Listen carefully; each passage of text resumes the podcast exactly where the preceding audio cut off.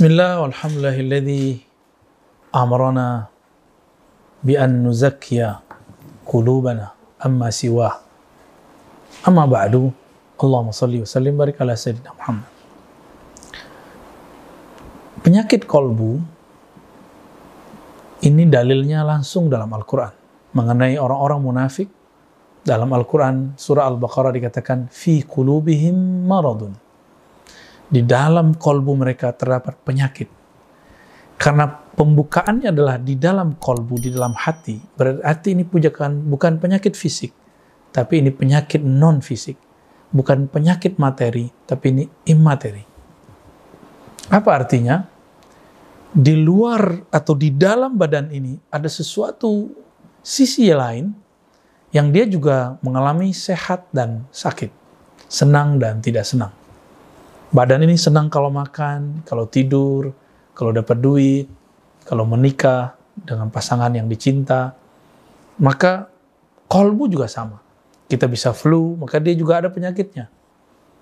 Penyakit kolbu yang paling berbahaya itu adalah penyakit yang dulu diwariskan oleh iblis Azazil yang disebut di dalam Al-Quran aba wastakbara enggan dan istakbara merasa ingin dihargai merasa dirinya besar merasa bahwa dirinya lebih dari orang lain ini penyakit yang paling berbahaya dan penyakit ini hampir ada di setiap makhluk-makhluk Allah terutama kita manusia dan asbabnya berlainan. Ada yang karena mukanya yang rupawan, ada yang karena dia hartawan, jutawan, miliar, miliarder, apalagi istilahnya.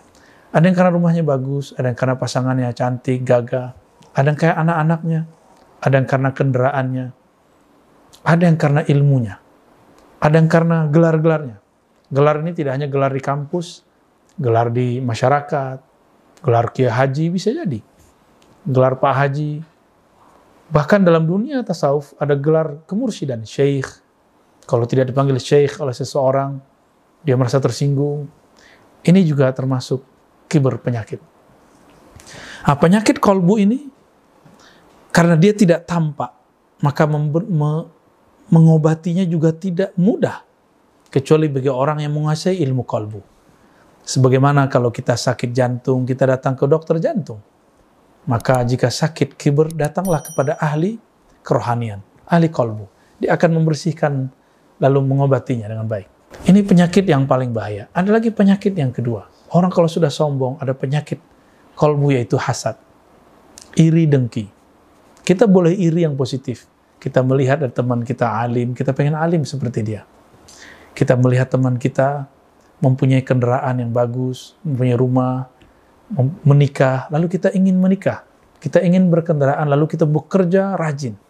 Ini iri yang positif. Yang tidak positif yaitu ketika saya menginginkan kenikmatan itu hilang dari orang lain. Ini yang ini yang disebut dengan iri, hasad. Jadi apa yang disebut hasad? Keinginanmu, ambisimu supaya engkau mendapatkan nikmat yang diperoleh oleh saudaramu, bersamaan dengan itu engkau ingin menghilangkan atau engkau senang jika nikmat hilang darinya. Itu hasad. Ada lagi penyakit yang lain, yaitu ria.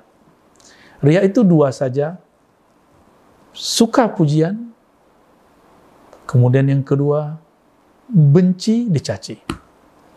Jadi ketika kita ini berbuat karena harap dipuji, itu ria. Tapi itu standar. Ada yang lebih dahsyat. Ketika seseorang takut dicaci, lalu dia malu untuk maju malu untuk tampil. Ini juga disebut ria. Khauful uh, yakni tarkul amal khauf minar ria riaun.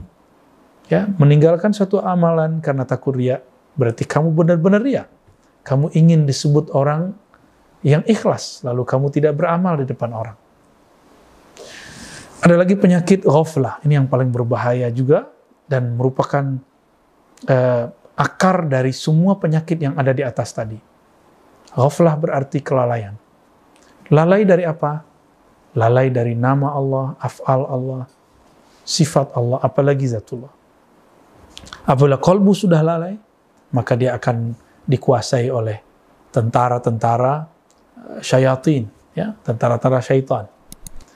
Inilah permulaan manusia tergelincir ketika dia merantau melewati alam semesta ini.